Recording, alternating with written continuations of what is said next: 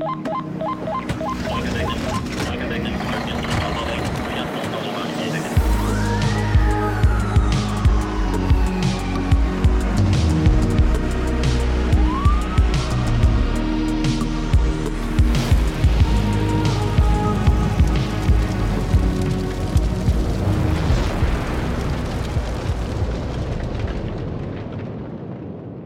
Hei og velkommen til en ny episode av podkasten Brannkast. I dag handler episoden om psykisk helse i brannvesenet.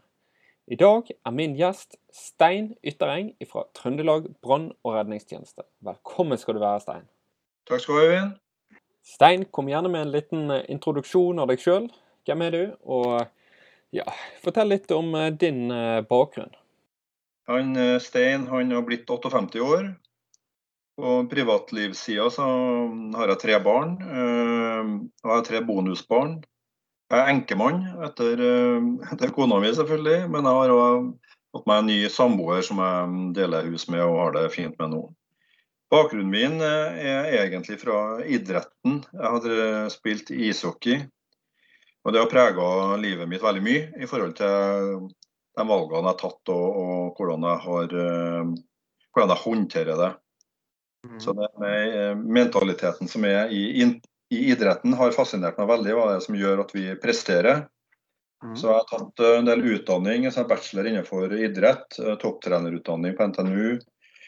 Men etter at jeg begynte i brannvesenet, så mm, fikk jeg en sånn Jeg ble en sånn brannmann som ble stående med pårørende rundt hele tida.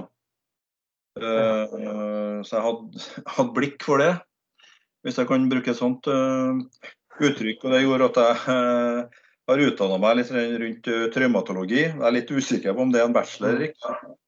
men det er i hvert fall et studie. da. Uh, det handler om hvordan, uh, hvordan, kroppen reagerer på det vi skal diskutere her. da. Uh, Sterk og, og, sånne ting. da. så har jeg også tatt operativ psykologi, som òg handler veldig om det samme, samme da egentlig, det å håndtere kriser. Mm. Eh, så denne suppa her eh, prøver jeg å få litt substans i, i sånn at den er spiselig og forståelig. Mm.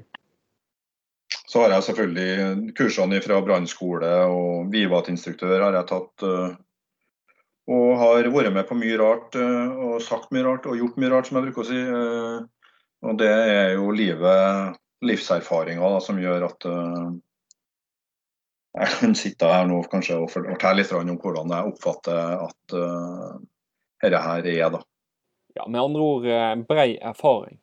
Ja, det får vi nå se, da. Men uh, jeg føler nå det at med den livserfaringa jeg har, så, så har, det er det jeg bruker stort sett da når jeg prater med folk uh, og holder foredrag. så er det, bruker jeg mye av mine egne livserfaringer og opplevelser i forhold til um, å beskrive dere, hva som foregår inni denne hjernen vår, eller mm. datamaskinen vi har i, i hodet.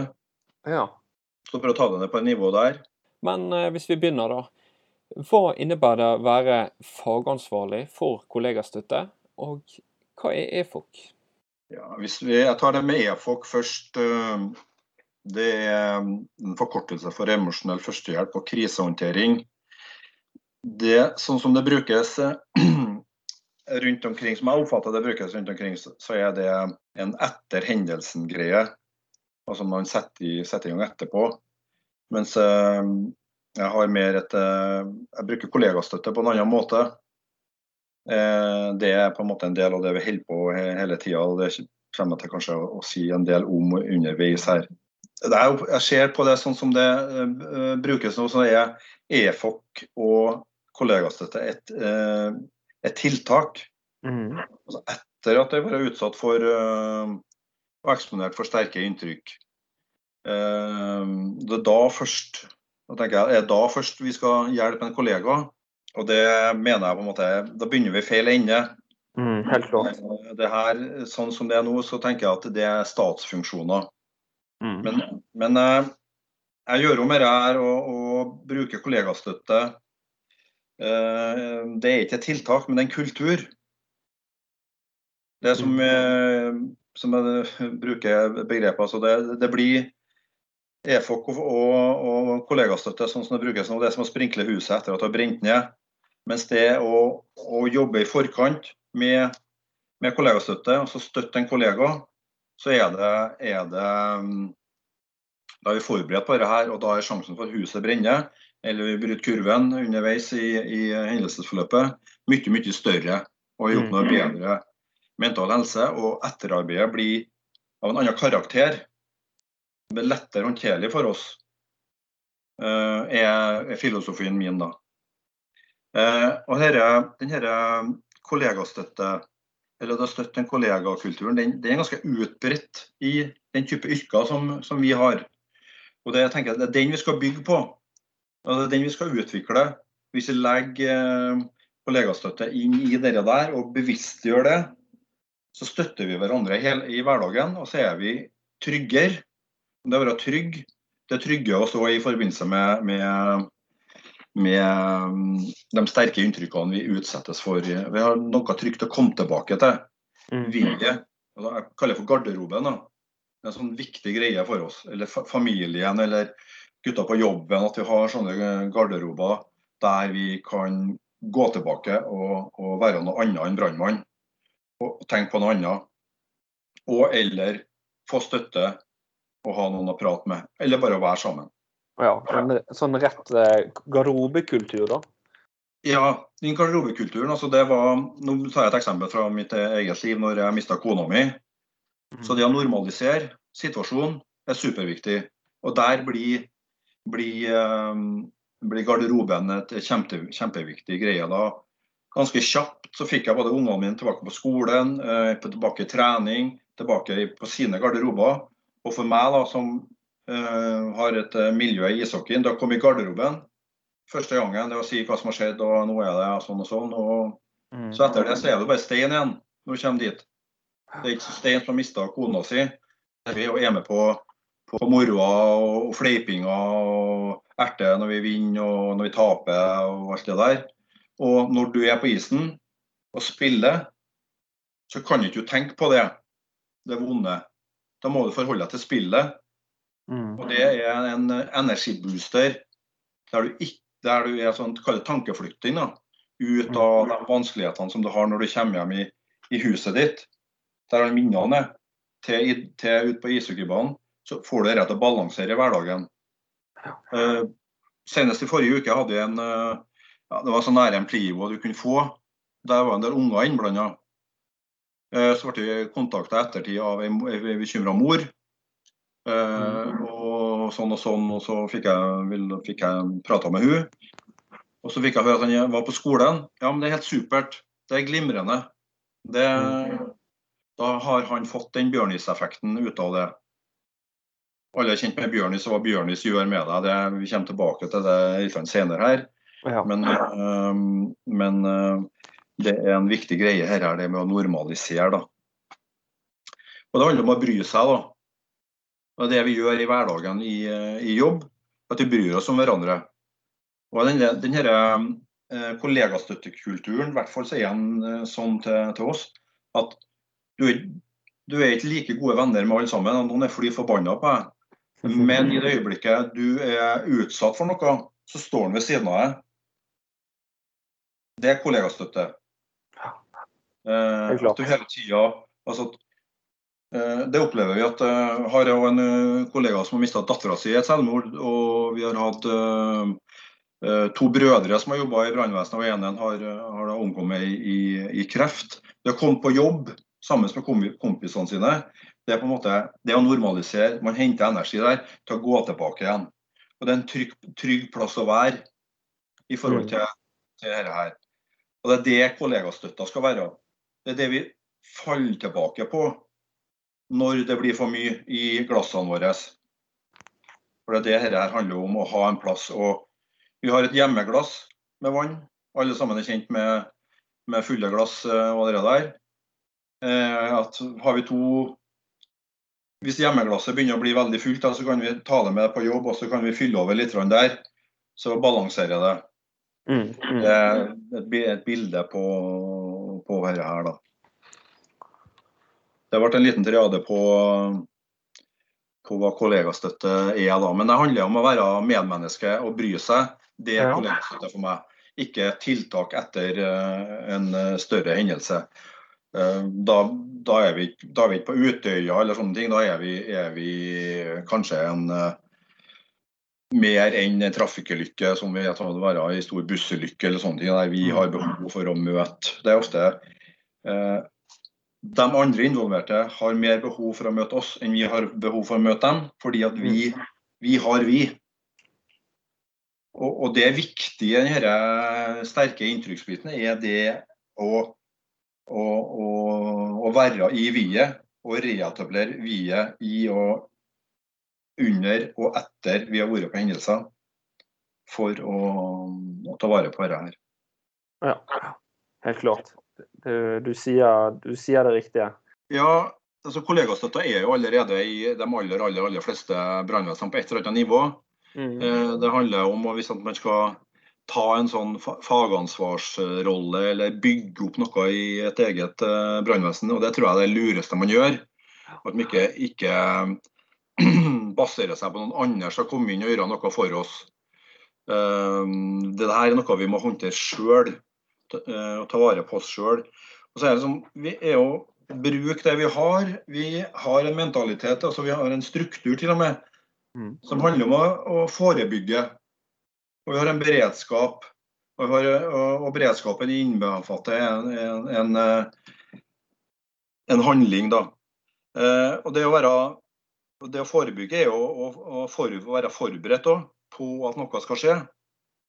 Og prøve å minimere konsekvensene av det som skal skje. Vi snakka om Mm. sprinkling av hus i sted. Det er et sånt tiltak. Og det å jobbe med mental helse er også et, eh, et eh, forebyggende tiltak i forhold til mental sykdom. Det går an å bruke de her begrepene inn i vår eget, eh, i vår egen verden, i stedet for å hente alle begrepene på utsida. For det ligger, sånn som vi om her i sted, altså at når vi sier forebyggende i brannvesenet, så Mm. kobler vi oss på i den eh, mappa i, eh, i eh, hjernen, datamaskinen vår, der alt som har med forebyggende å gjøre. Eh, Så da har vi et bilde av hva jeg kan være, hvis du skjønner hva jeg mener med, med det. Ja, jeg Ja, det er sånne ting. Det er, viktig, det er viktigere å komme Da kommer du fortere inn i hva dette er for noe, og, og at vi allerede har noe. For det å bygge på noe vi har, er mye lettere enn å bygge på noe som vi tror vi ikke har, eller skal innføre. Så det er to forskjellige, forskjellige innfallsvinkler. Eh, og Det som er viktig å si da, når vi snakker om sterke inntrykk og håndtering og behandling og sånne ting, er, begrepene går veldig over i hverandre. Og Det tror jeg vi skal være veldig tydelige på. at uh, det, Vi håndterer sterke inntrykk uh, og inntrykk uh, med at vi Og det å tilby er jo en kollega støtta, det å bry seg, veilede, dele erfaringer, være til stede, normalisere, bry oss og alt det der. Mm. Men det kan fort komme opp i et nivå der det handler om å behandle. Og det gjør ikke vi. Det er det profesjonelle som, eh, som må gjøre, altså psykologer osv. Men det som er viktig med, det, er viktig at vi har tilgang på det. Og at den støtte, altså om det er bedriftshelsetjeneste som har det, eller noe sånne ting, så er det viktig at vi har den kapasiteten å spille på når at det er behov for det. For det, vi, det gjør vi en gang imellom. Så har vi hatt en hendelse der vi har fått eh, på en lørdag eksempel, og så får vi noen reaksjoner. Pga. Uh, livet for øvrig så blir det for mye. Og så har vi tilgang på psykolog på mandag. Da bryter vi denne kurven på utviklinga av hans eh, eh, stress i forbindelse med de inntrykkene som han har i hodet, og får hjelp til å sortere eh, hva som dette er her, og, og, og ta det ned og normalisere det. Ja. Og Det er viktig at de som skal inn og hjelpe oss med det, altså skjønner kulturen, skjønner hva dette er for noe, forstår yrket vårt. Mm. Så det der med å behandle og håndtere, det skal vi være veldig nøye med. At ikke vi tror at vi er behandlere. Vi er, vi er bare kompiser og venner eh, som eh, tar vare på hverandre og er der for hverandre. Og Det er i bunn og grunn det aller, aller viktigste eh, støtteapparatet vi har. at vi har venner rundt oss. Ja, jeg er helt enig. Denne episoden handler jo om, om psykisk helse i brannvesenet. Grunnen til at jeg hadde lyst å lage denne episoden, var det at eh, jeg så NRK sitt program Viten og vilje, der episoden Arr i sjelen. Og så så jeg 113 sin, eh, sin episode om Fagereng-tragedien, og leste i etterkant eh, via NRK da, at ingen hjelp etter Fagereng. De tror tøffe gutter ikke gråter. Etter dette så ble vi nysgjerrig og begynte å lure på om om eh, hvordan man kan bidra til bedre psykisk helse da, i brannvesenet. Så hvis vi begynner med det første, hva er inntrykk? Eh, og hva slags inntrykk kan man bli utsatt for i eh, brannvesenet? Ja, først og fremst så eh, når jeg kikker tilbake på karrieren på i 30 år, så er det masse gode inntrykk.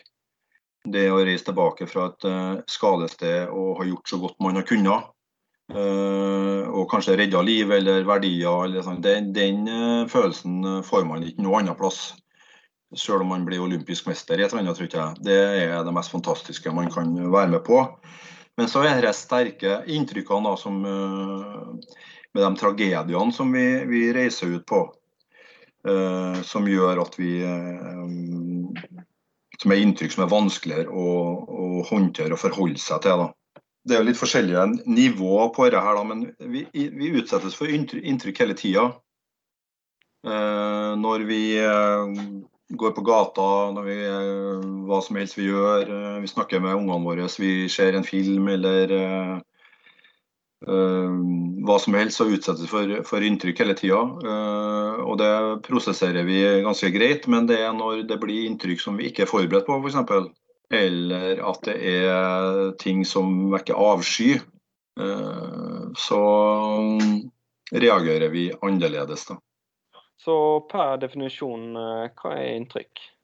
Ja, vi har jo vi, vi snakker om, eh, om, mental helse og det der, så, så, er det på en måte det normale inntrykksnivået vi er på.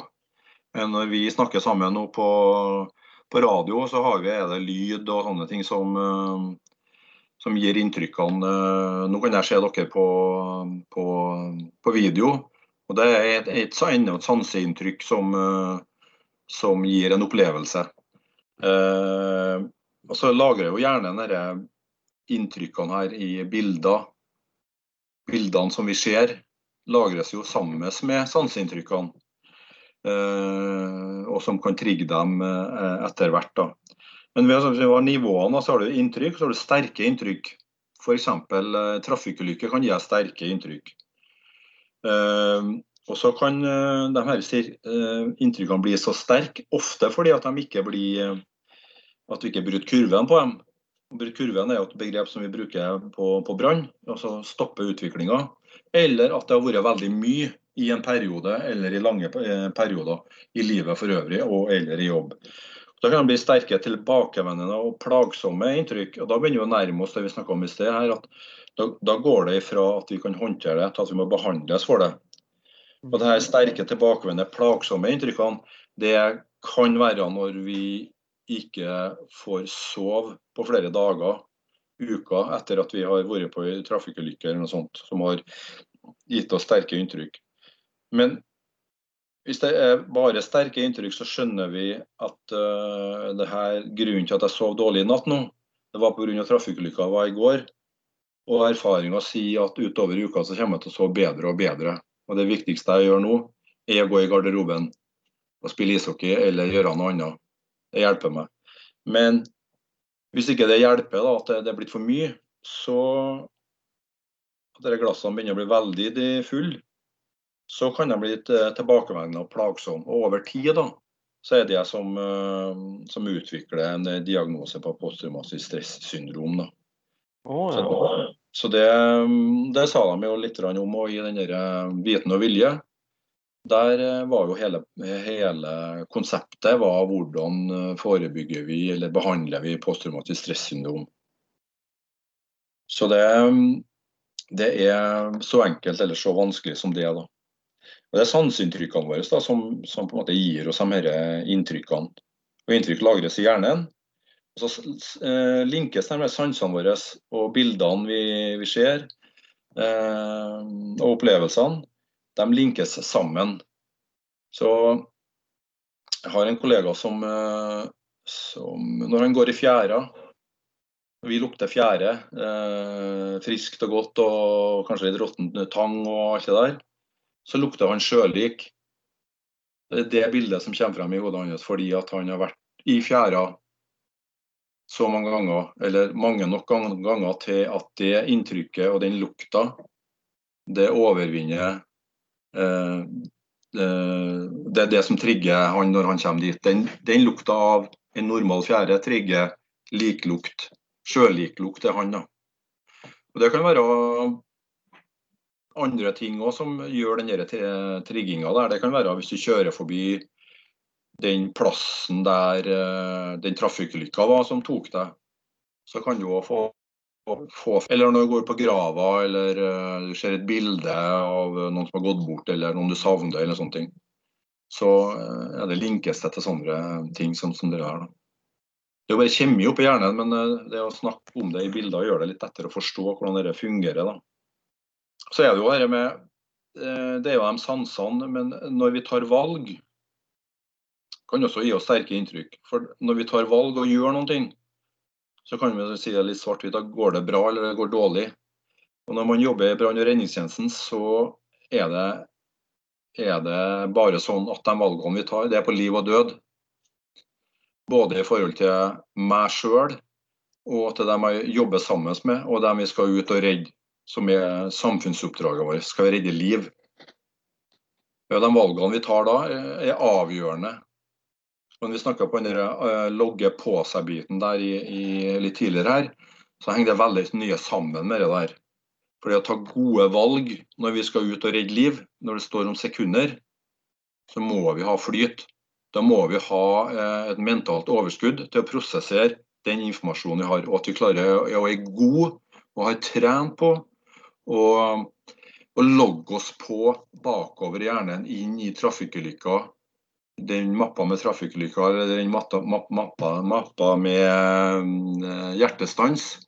Slik at vi henter frem, hvis vi skal gjennomføre dette her på, med hjerte- og lungerønning, at vi henter frem den sida, for å kalle det det, da, der det står og der vi har trent på hvordan vi gjør dette her.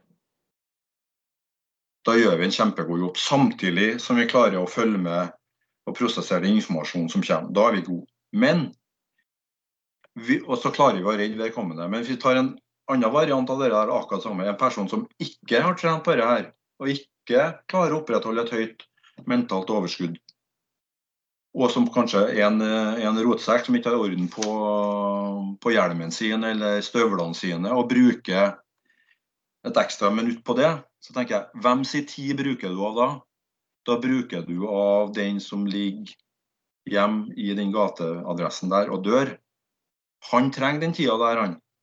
Så du er nødt til å være god hele veien derifra og frem på skadestedet. Du må gjøre gode valg hele veien for i ettertid ikke for å unngå at du farsken også at jeg glemte av støvlene mine eller hjelmen min eller hva det var. Da brukte jeg av tida til han som lå der, og han døde jo. Det var pga. meg. Så de valgene vi tar òg, er veldig bidragsyter til hvordan eh, resultatet av den innsatsen vi gjør, eh, gir oss sterke inntrykk eller ikke. Og det å ikke være forberedt, det er den, en av de eh, momentene som eh, tar oss mest. Altså Det er en overraskelse hva som tar oss, men det er også en overraskelse hva vi blir tatt av. Ja, helt klart. Å være 100 klar eh, når alarmen går, det er helt essensielt da, eh, i yrket. Hva er forskjell på inntrykk i dagliglivet og inntrykk ja, som brannmann får på arbeid? da? Det er jo samme hjernen, så, det er liksom, Sånn som jeg forstår det, da, så, så er det sånn både ja- og nei-spørsmål. Uh, det er jo mindre sjanse for at du blir utsatt for de her eh, sterke inntrykkene i, i privatlivet. Og dermed også blir du også mer opp, eh, utsatt for overraskelser. Eh, når du kjører på veien er, som en vanlig person, så er du ikke forberedt på en trafikkulykke. Men det er du når du sitter på stasjonen og får beskjed om at det har vært trafikkulykke der og der. Da forbereder deg på, vi forbereder oss på vei fram til det. Mens for deg som kommer i, i, som første person på stedet og ser trafikkulykka, du vil bli overraska over dette her. Tatt på senga. Og Det er de overraskelsene det vi ikke er forberedt på, som jeg sa i sted. Det er det som eh, er med å gradere de sterke uttrykkene, for å bruke et sånt eh, begrep. Så det å være forberedt er en kjempefordel. Og Det har vi tid til når vi er på jobb, og det må vi være gode på. Mm. Og Mentaliteten vår, hvem sin tid er det vi bruker? Det er, det er grunnleggende tenker jeg da, for å ha, ha en god eh, fysisk, nei, psykisk helse gjennom et langt liv, er at man er, har den grunnmentaliteten at jeg er her for å redde liv, ikke for å kose meg og bare ha en jobb. Det er det jeg går ut på, og det må jeg være god på. Og all den tida som har til rådighet, skal jeg bruke på å bli god og trene. Da kan jeg stå med ryggen rak. Vi klarte ikke å redde vedkommende, men vi gjorde en veldig god jobb. Og der vil jeg peke på Bergen. Den uh, hendelsen de hadde like utenfor Bergen her på nyåret i år. Der det var en familie på fem eller seks hvor de gjorde en kjempejobb, de fire på den bilen her. og Det hadde de trent på og trent på og trent på. Og trent på og gjorde en kanonjobb ute der. Det kanskje var det, optimalt, det optimale oppdraget man uh, har gjort. Og når uh, de fire-fem personene som, uh, som reiste derifra, de var i live når de reiste derifra. Jeg tror det var én som overlevde denne ulykka der. Men da kan du liksom være fornøyd allikevel. Selv om det har gått liv, så, så bidro de til at de hadde en mulighet. Og hvis det fantes en mulighet til å overleve, så sørga de for at den, den, eh, den ble brukt. Da. Så det, det, her med å være god i jobben sin og være forberedt på, på hva man kan møte, eh, og jobbe godt i team, det er veldig forebyggende i forhold til håndteringa av eh, sterke inntrykk. Ja, helt klart. Lagarbeid er helt essensielt hvis man skal lykkes i dette yrket. Å kunne forebygge det meste, det, det er nøkkelen. Ja, du nevnte det med å, at ting lagres i hjernen, og du nevnte det med å, å logge på. Kan du, kan du utdype det litt? Grann? Det kan jeg gjøre. Det er jo sånn at uh, Vi har snakka litt om valg og inntrykk og sansene våre og alt det der. og Vi lagrer i, i, hjernen. Det, det, det, handler om å benytte seg av den muligheten da, uh, som finnes der. For at Hjernen lagrer jo både det positive og det negative. Og Det handler om å la det positive vinne. Eh, at vi tar med oss de, de gode opplevelsene våre, sånn som vi snakka om Bergen her. De har jo et, en referanse på den beste innsatsen å forholde seg til. Vi andre må liksom bygge opp til den. da. Og da kan vi, eh, Jeg kan gjøre om Jeg som har vært og snakka med her, guttene som gjorde dette, her, jeg gjør om deres fortelling til bilder i mitt hode. Og når jeg spiller av den filmen for meg sjøl, så tror jeg til slutt at jeg har vært med på det. Og da har jeg stjålet den brannen, den hendelsen fra dem, eh, eh, og har den i hodet mitt. Så når jeg drar ut på husbrann, så er eh, den hendelsen med i min erfaringsbank, der jeg henter informasjon ifra. Så Du kan faktisk manipulere hjernen til å huske på ting som vi egentlig ikke har vært med på. Og vi kan ta ut biter når vi evaluerer eller debrifer, sånne ting, vi tar ut det som blir feil, og legger inn den riktige handlingen og spiller den filmen i hodet vårt. Det gjør idretten hele tida. De bruker video, og det er jo vi har blitt flinke til å bruke jernkamera for å evaluere oss sjøl. Og de, idretten bruker mental trening veldig, veldig, mye. Jeg bruker bilder av uh, utforkjøreren, slalåmkjøreren, som vi ser på TV-en på, som står på toppen før han skal kjøre utfor. Så ser du at den står og henger på stavene, og så ser du at den beveger overkroppen sin. Da, da spiller han over filmen en gang til i den løypa han har, for å spare millisekunder. Eh, og det er, det er så effektivt at idrettsutøvere gjør det for å vinne olympiske medaljer. Da kan vi i brannvesenet gjøre det og stjele andre sine opplevelser og, og forsterke de eh, hendelsene vi har vært på sjøl gjennom at vi snakker om dem etterpå. og Det har en dobbelteffekt. Det bryter kurven på inntrykk, og det, det eh, gir oss eh, og, det, og, Vi lagrer sterkere i, i erfaringsbanken vår på de hendelsene vi har gjort, når vi snakker om fakta etter hendelsen. Det skal vi ta etterpå eh, når vi er på, på etterarbeid. Men det er en, en viktig bit av dette her. Og så, Hva er det vi har setter oppmerksomheten vår på? En viktig bit dette her når vi er på vei ut på et skadested og skal eh, eh, forberede oss på å bli eksponert for sterke inntrykk. Hele tiden var, for vi, Det vi setter oppmerksomheten vår på, er trafikkulykke, eller er det hvor, eh, hvor eh, støvlene mine eller hjelmen min er? Det gjør noe med, med hva, hvilket inntrykk vi klarer å, å, å, å ta innover oss. Hvis dere skjønner hva jeg mener med det. Altså det, det er superviktig vi er oppmerksom på det vi skal gjøre, og ikke bli distrahert. Sånn at hjernen får jobbe seg innover og hente det som vi har snakka om. Så oppmerksomhet er et begrep som er viktig å ha med seg. Når man trener, når, uansett hva man gjør, og man kjører bil, så må man ha oppmerksomhet på å kjøre bil og ikke snakke i telefon. Det er derfor at det er forbudt å ha mobiltelefon. Man skal ha oppmerksomhet på det å kjøre. Og Det gjelder for det når vi har utrykning. Da må vi ta oppmerksomheten vår bort ifra men hvis vi har med oss Hvis jeg har med meg dødsfallet fra kona mi inn i Ikke kan legge ifra meg det når jeg skal kjøre på av den informasjonen jeg trenger. Og Sånn er det når vi er på et foredrag òg, eller for opplæring. Hvis vi ikke har oppmerksomheten på det foredragsholderen eh, sier, så får vi ikke med oss det som uh, sies der. Da mister vi den informasjonen. Så stryker vi et eksamen. Og vi kan ikke stryke til eksamen, for vi skal redde liv. Uh, så har vi jo et, et, et, et psykologisk immunforsvar, altså, eller kall det en robusthet, da, i forhold til, til sterke inntrykk. Og når du er 58 år og har vært med på det jeg har vært med på, så har du en, en viss robusthet til å, til å håndtere uttrykk. da. Jeg kan ha en sånn oppmerksomhet at jeg um, har utvikla en evne nå som innsatsleder at jeg ser skadestedet litt bredere det gjør man jo som innsatsleder. Eh, ikke bare den hendelsen eh, Vi snakka om den nesten Plivo-hendelsen her eh, litt tidligere. Her var en del unger som var involvert rundt det huset her. Og de fikk min oppmerksomhet når jeg så at mine gutter og jenter håndterte denne hendelsen sånn som de skulle gjøre, og med politiet, så kunne jeg ha et bredere, bredere oppmerksomhet og fikk med meg at det var noen unger her som hadde sett noe og fikk prata litt med dem.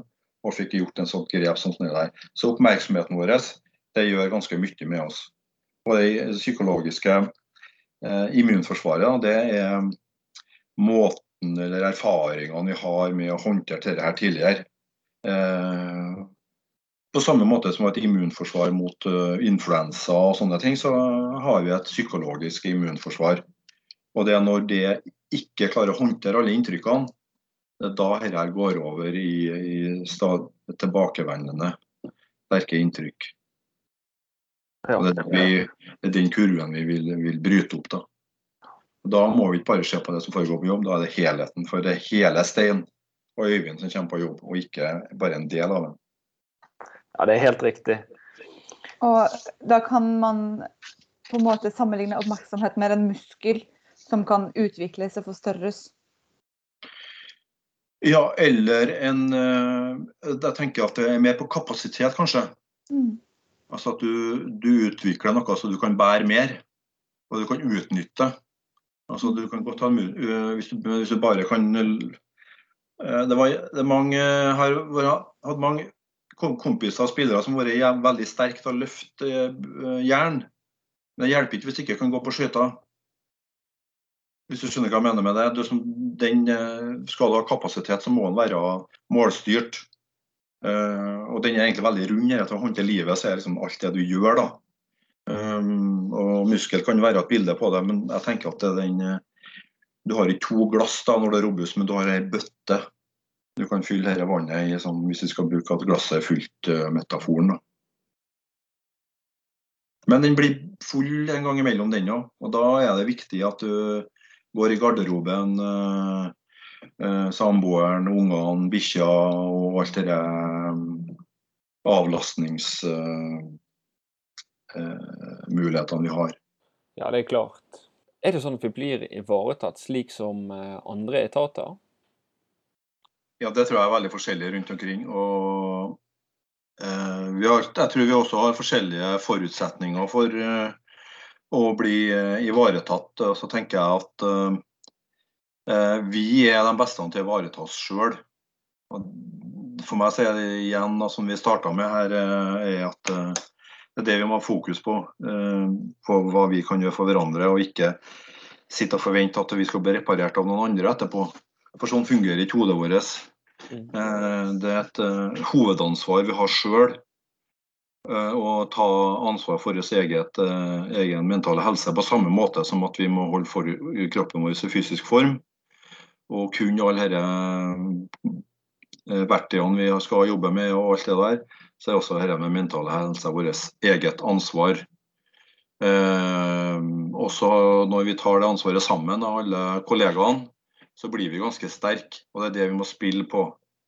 Eh, og da tar vi ivaretar vi hverandre. Eh, det er det viktigste. Eh, nå Det tenker jeg, da. Og det var det vi starta med, at det er det som er å støtte en kollega og være kollegastøtte. Så absolutt. Du er jo ansvarlig for uh, Trøndelag. Uh, altså både heltid og deltid. Uh, hvordan er det egentlig heltid kontra deltid da, i, ja, i forhold til dette? Da vil jeg ta, ta frem et godt eksempel. Jeg snakker om Bergen, hva de, de hadde gjort der. Men uh, Innherred, altså Levanger, Verdalen, uh, det området der. De uh, ringte meg her tidligere i høst og spurte om jeg kunne være med og hjelpe til å lage et opplegg for pårørende. Da ble jeg litt, litt snurt, egentlig, for at jeg ikke har kommet på det sjøl. Eh, for det er de. For, for, eh, for deltid så er jo De starter jo eh, skadestedshåndteringa si på en annen plass enn hva det jeg gjør, som ligger i senga på brannstasjonen. Har alt mitt fokus og pålogger og jeg har oppmerksomheten min ubevisst hele tida på at jeg er på brannstasjonen og alt det som kan skje der. Mens de som jobber på deltid, de ligger i senga sammen med ektefellen og forsvinner ut. Og drar på, på, et skadested og kommer tilbake igjen og legger seg tilbake i senga igjen. Det er, en, det er den, kanskje den der forskjellene ligger mellom hel og deltid. Ja, det er sant. Men uh, desto viktigere å ha fokus på det, tenker jeg. Hva gjorde de der i Innerad og Verdalen? Ja, det vi gjorde, var at uh, da spiller vi på det samme, samme mm, handlingsmønsteret som vi allerede har. Altså det vi ønsker å oppnå for å gjøre en god jobb, er å ha en felles situasjonsforståelse og en felles situasjonsbevissthet gjennom hele hendelsen.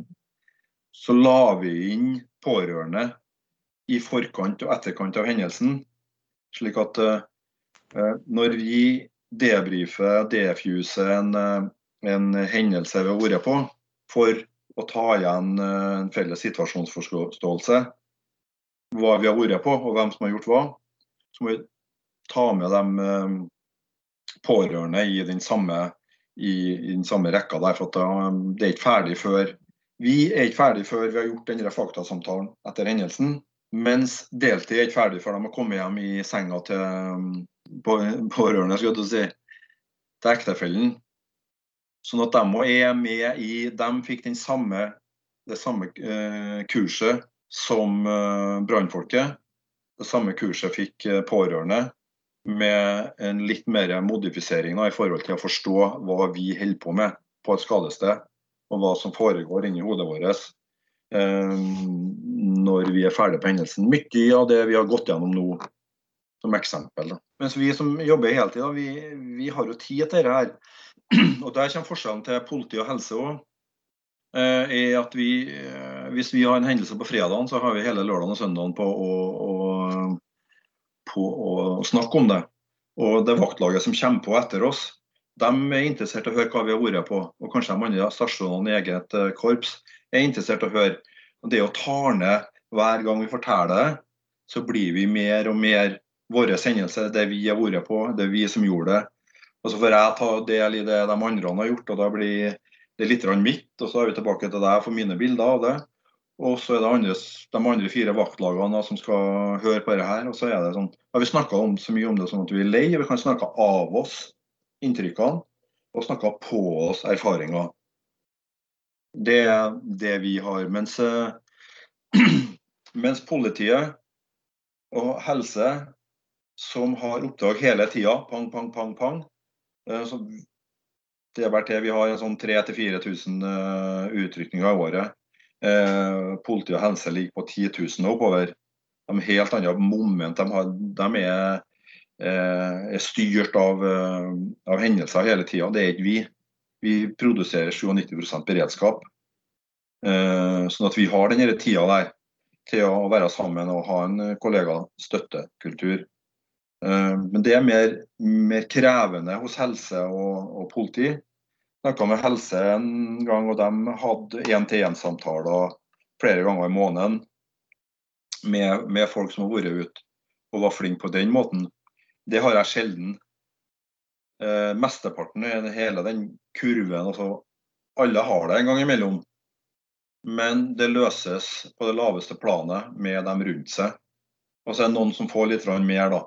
Men da prøver jeg som kollegastøtteansvarlig å støtte dem som er nære vedkommende utrykningslederen eller eh, en god kollega for, for å håndtere dette. her. Da. Og Det gjør jeg ute i distriktet òg.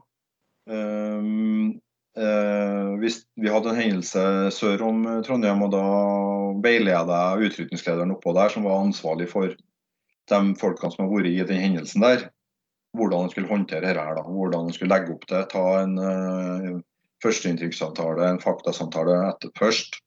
Følge opp uh, underveis noen dager etterpå, og så tar vi igjen det i en felles greie ei, ei uke etterpå. Men igjen, nærheten er det viktigste. Det er tryggheten. Det er det som trygger oss. Og så veileder vi dem som um, sitter i det, så de blir, um, er trygge på det. det. det. er enkle grep som skal gjøres, bare det er ikke noe hokus pokus å ivareta folk både før, under og etter. Du har jobbet i brannvesenet i flere år. Ser du noen forskjell nå kontra før? Ja, altså vi, vi er flinkere til å, å, å, prate sammen. Og prate om det. Eh, jeg tror at eh, den største effekten er å være forberedt. Eh, og i det så blir det at vi prater om sånne ting sånn som, sånn som vi prater nå. Så det å være forberedt, det tar av mye Det bryter kurven. Så det blir ikke så mye etterarbeid. Ja, det er sant. Også, eh, også det at vi er blitt bedre på å, på å forholde oss til eksponeringa på skadestedet. Vi har gode rutiner på det. Og vi har gode rutiner i den førsteinntrykkssamtalen eh, etterpå. Den er hjemme og tar av, eh, bryter kurvene i forhold til utviklinga av de sterke inntrykkene. For de er der. Vi kan ikke gjøre noe med det. Det er det som er jobben vår. Men vi behøver ikke å se på den eh, skadde hele tida, hver gang vi går forbi med noe verktøy og sånne ting. Vi, har blitt bedre på det å, å, å, eksponere oss mindre, på samme måte som vi har Der kan vi sammenligne oss med brannrøyken. Det er jo et poeng at vi eksponerer oss mindre for brannrøyken. Det, det, det, det, senker eh, muligheten for å, å utvikle kreft. På samme måten så minsker vi eh, Prøver jo å minimalisere eh, de sterke inntrykkene, eksponeringa for det. Og det øker sjansen for at vi får bedre mental helse. Heng sammen. For å kunne hjelpe andre, så, så må man først hjelpe seg sjøl, sier man. Eh, det er jo for så vidt greit, men får vi noe opplæring i dette her? I å hjelpe andre? Og Bør det være mer av dette i vår utdanning? Ja, det er ikke noen tvil om. Også det, det er viktigere eh, å ha en, en, god mental helse og en god fysisk eh, kapasitet. Det er det viktigste. Har du ikke det, så, så får du store konsekvenser for hvor lenge du kan gjøre et eller.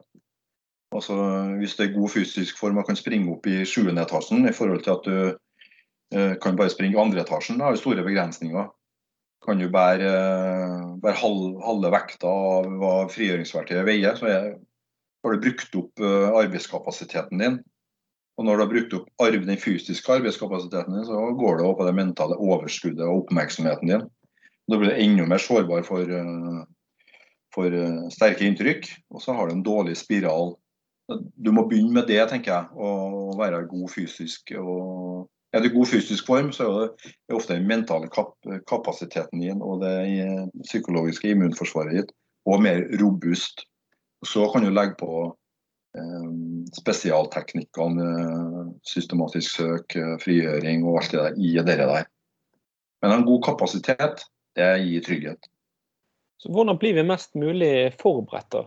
Ja, Det handler jo om litt det vi snakker om, altså være god i jobben sin. Og så må vi ha den eh, Hvis du skal hvis du lar det ligge som en forutsetning at du er god i jobben din, at du har muligheter til å bli god i jobben din, for det har du. Men hvis vi går tilbake til det du spurte om i sted, så får vi noen utdanninger her, så, så tenker jeg at det er nei. Den er ikke god nok. Det vi ofte får på sånne kurs, eh, lederkurs og nå har det vært noe webseminar, og det blir det et nytt webseminar her nå i, i, i november, så er det da er vi på det vi begynte med her, dette med kollegastøtte og EFOK. Det som skjedde etterpå. Det er de historiene vi får. Og De er lærerike, dem. Men vi må flytte de lærepunktene i forkant, sånn at vi er forberedt på å ikke komme i den situasjonen. Det er jo det forebyggende biten gjør. Vi sprinkler huset for å unngå at hele huset brenner. Altså, det er greit at det, det brannrommet her er, er ødelagt, men resten av huset har vi berga. Og Sånn er det med dette her òg. Det handler om at vi må ha fokus på og oppmerksomheten vår på det å utdanne eh, kollegaene våre, framtidige kollegaene våre også i å håndtere Forberede dem på at du kommer til å møte sterke inntrykk. Altså, du møter mennesker i livskriser. Eh, det er kona som eller mannen som sitter fast i bilvraket. Det er eh, ektefellen som ligger der med hjertestans. Det er ungen din som er igjen inne i huset. Eh, makabre syn eh, osv. osv. Det må vi forberede dem på at de møter. Og vi må gi dem de verktøyene som vi snakker om nå, slik at de eh, har verktøy å håndtere det med. Men det handler om det vi starta med. Du må forstå sjøl hvorfor du er her og hvem du er for. Hvis du ikke gjør det, så glir dette bare av. Da er ikke oppmerksomheten din på foredragsholderen, da er oppmerksomheten på de gule klærne, de kule brannbilene. Skal dra rypa eller gutta på, på det. Det er feil oppmerksomhet. Vi, vi har jo en, en, ganske fantastisk jobb, eh, som vi nettopp har snakka om. Eh, eh, å ha, ha den oppmerksomheten.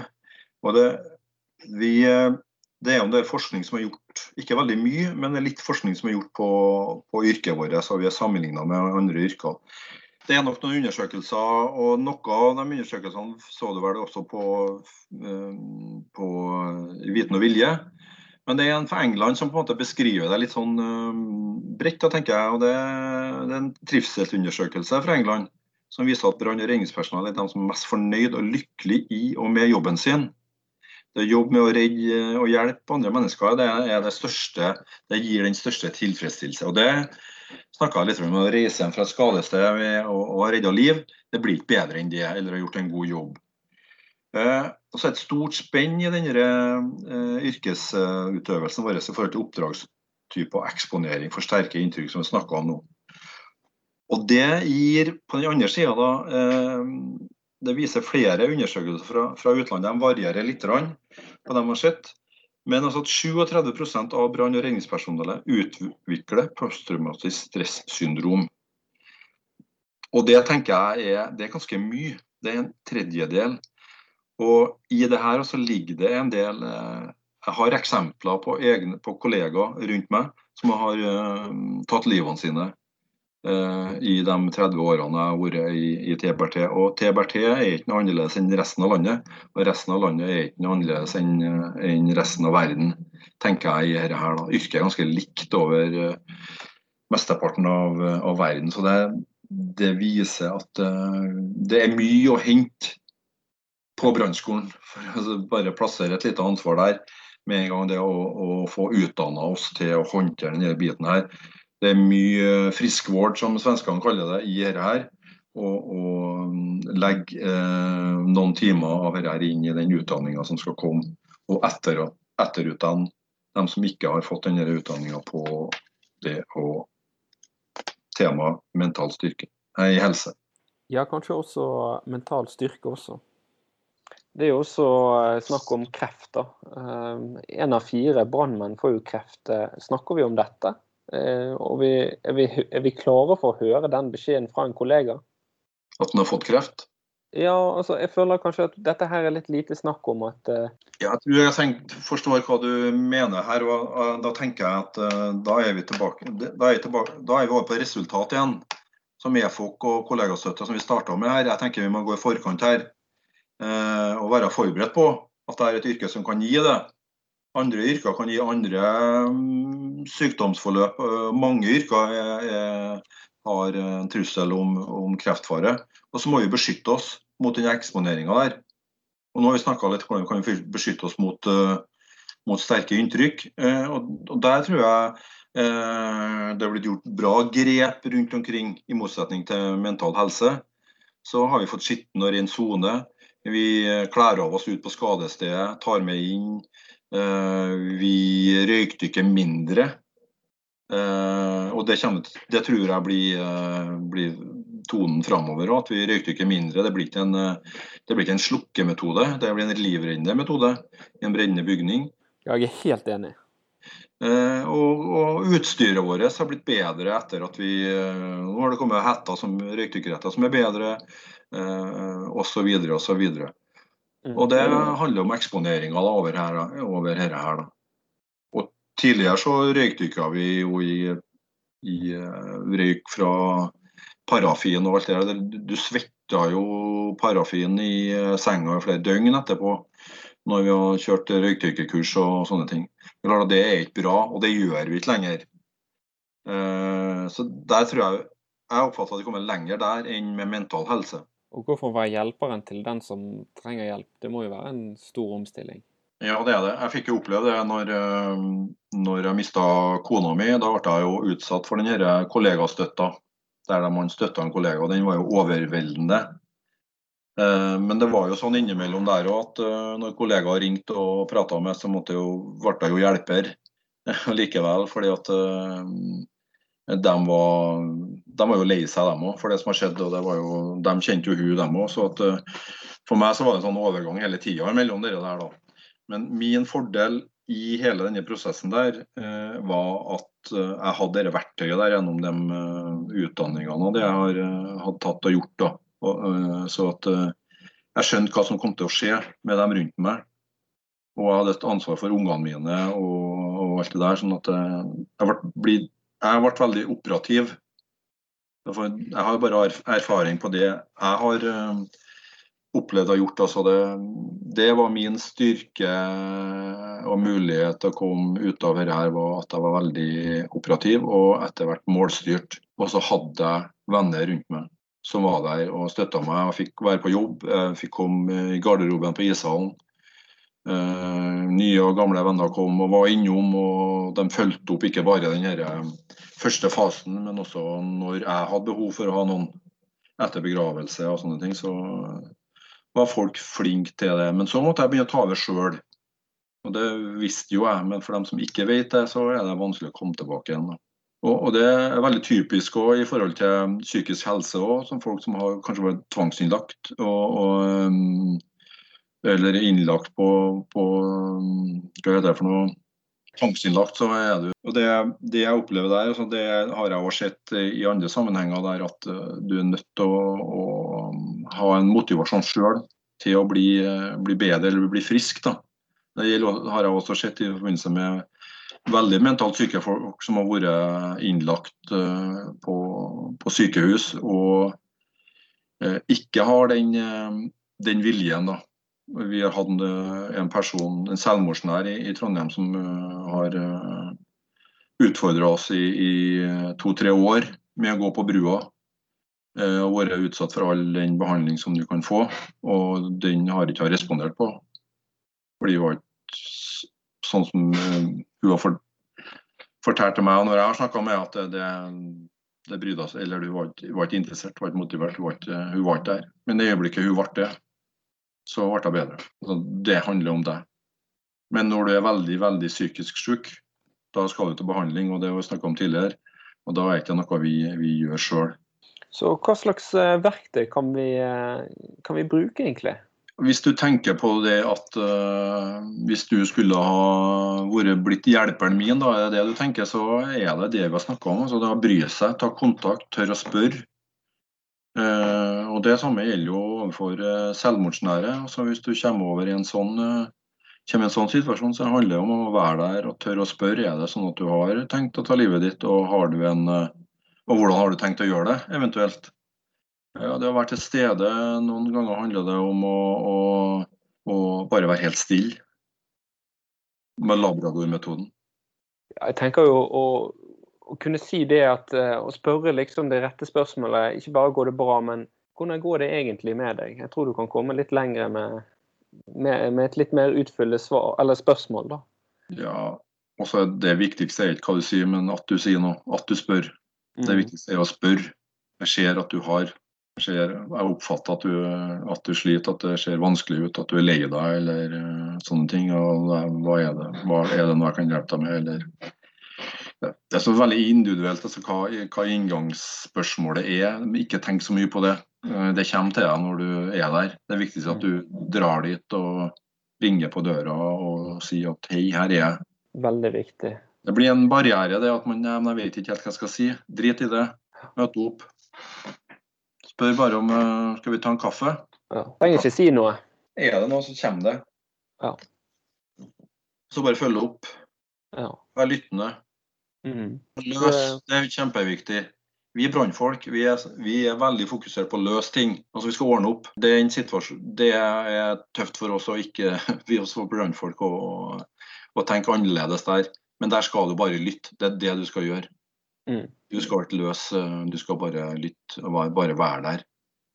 Og så kommer det litt etterpå igjen. Så kan du gjøre ting. Begynne å komme, være, ja, være med en uh, person som kanskje er nyskilt til advokat eller, uh, eller sånne ting. Kan jo bistå med sånne praktiske ting. Og Praktiske ting kan jo være bra medisin etter dramatiske hendelser. Det å gjøre noe. Da er vi tilbake til ishockey og jobben og alt det der. Det sier vi ofte til folk når vi har vært på RVR-oppdrag. Mm. Ja, Begynn å ringe til forsikringsselskapet, kom i gang med noe. Det er bra terapi. Det henger sammen i alle, alle endene her. Ja. Det er bry seg, bry seg, bry seg. Tør å spørre. Det er medisin. ja, det er sant. Eh, Men det blir jo brukt veldig mange forskjellige faguttrykk rundt dette. Kunne du forklart noen av disse, f.eks. debrifing og defusing, og så kan det være uformelle og formelle. og så Hva betyr egentlig dette? Ja, det, det der syns jeg er, er, er, vanskelig. for at det, Kommer du fra Forsvaret, så har du en definisjon på det her, Og kommer du fra en, et annet fagfelt, så har du en annen definisjon på det. Men sånn som jeg oppfatter det, så er når man har en debrief, da går man gjennom en plan. Og da er det bare den som har vært med i den planen, som er med på den debrifen. Og Man kan jo få en, en brief før man går ut, og det kan jo eventuelt være innsatsordren eller utalarmeringsordren. Og så har man en debrief på det. Hvis man tar en grovskille her, da, sånn som jeg ser det, så altså en defuse, da har det vært et sterkt inntrykk eller en hendelse som kan ha trigga deg. Da kan det være behov for en defuse. Eh, og Da kan man eh, ta, ta emosjonsbiten, da, altså inntrykksbiten, med i, i det. Men ikke men sånn som jeg tenker at vi må gjøre dette her, og som jeg prøver å lære bort, er at etter en hendelse uansett, når vi er gode på å ta en etter førsteinntrykkssamtale, som kaller det, kan også kalle det for en faktasamtale, at uh, alle forteller hva de gjorde.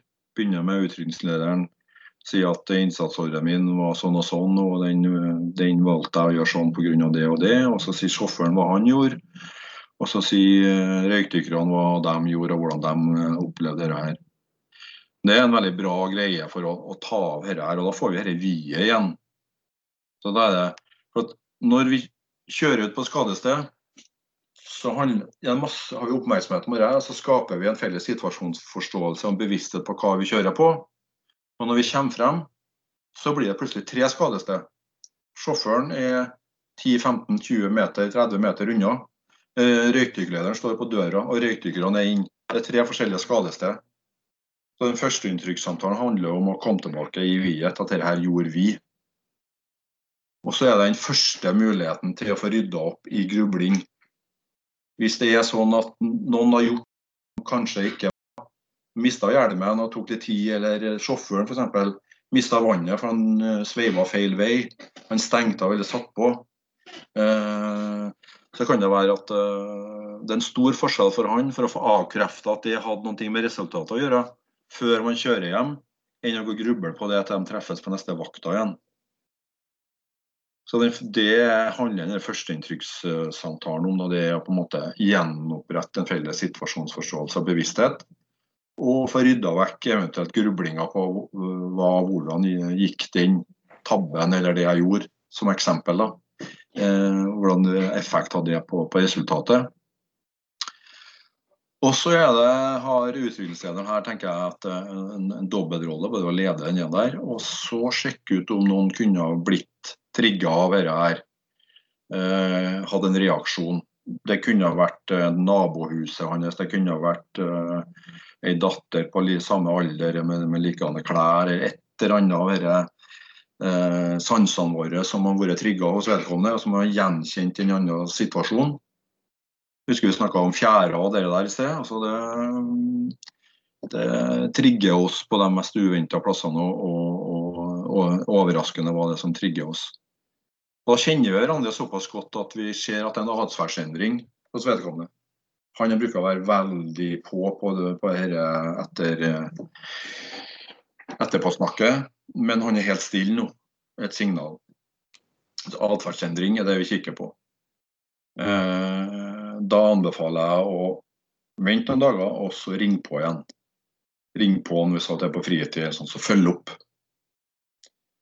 Eh, for da kan det være noe som da utvikler seg etter hvert. Du får ikke gjort noe med det der akkurat der og da likevel. Bare det her bygger seg opp litt over tid før det liksom kommer til overflata.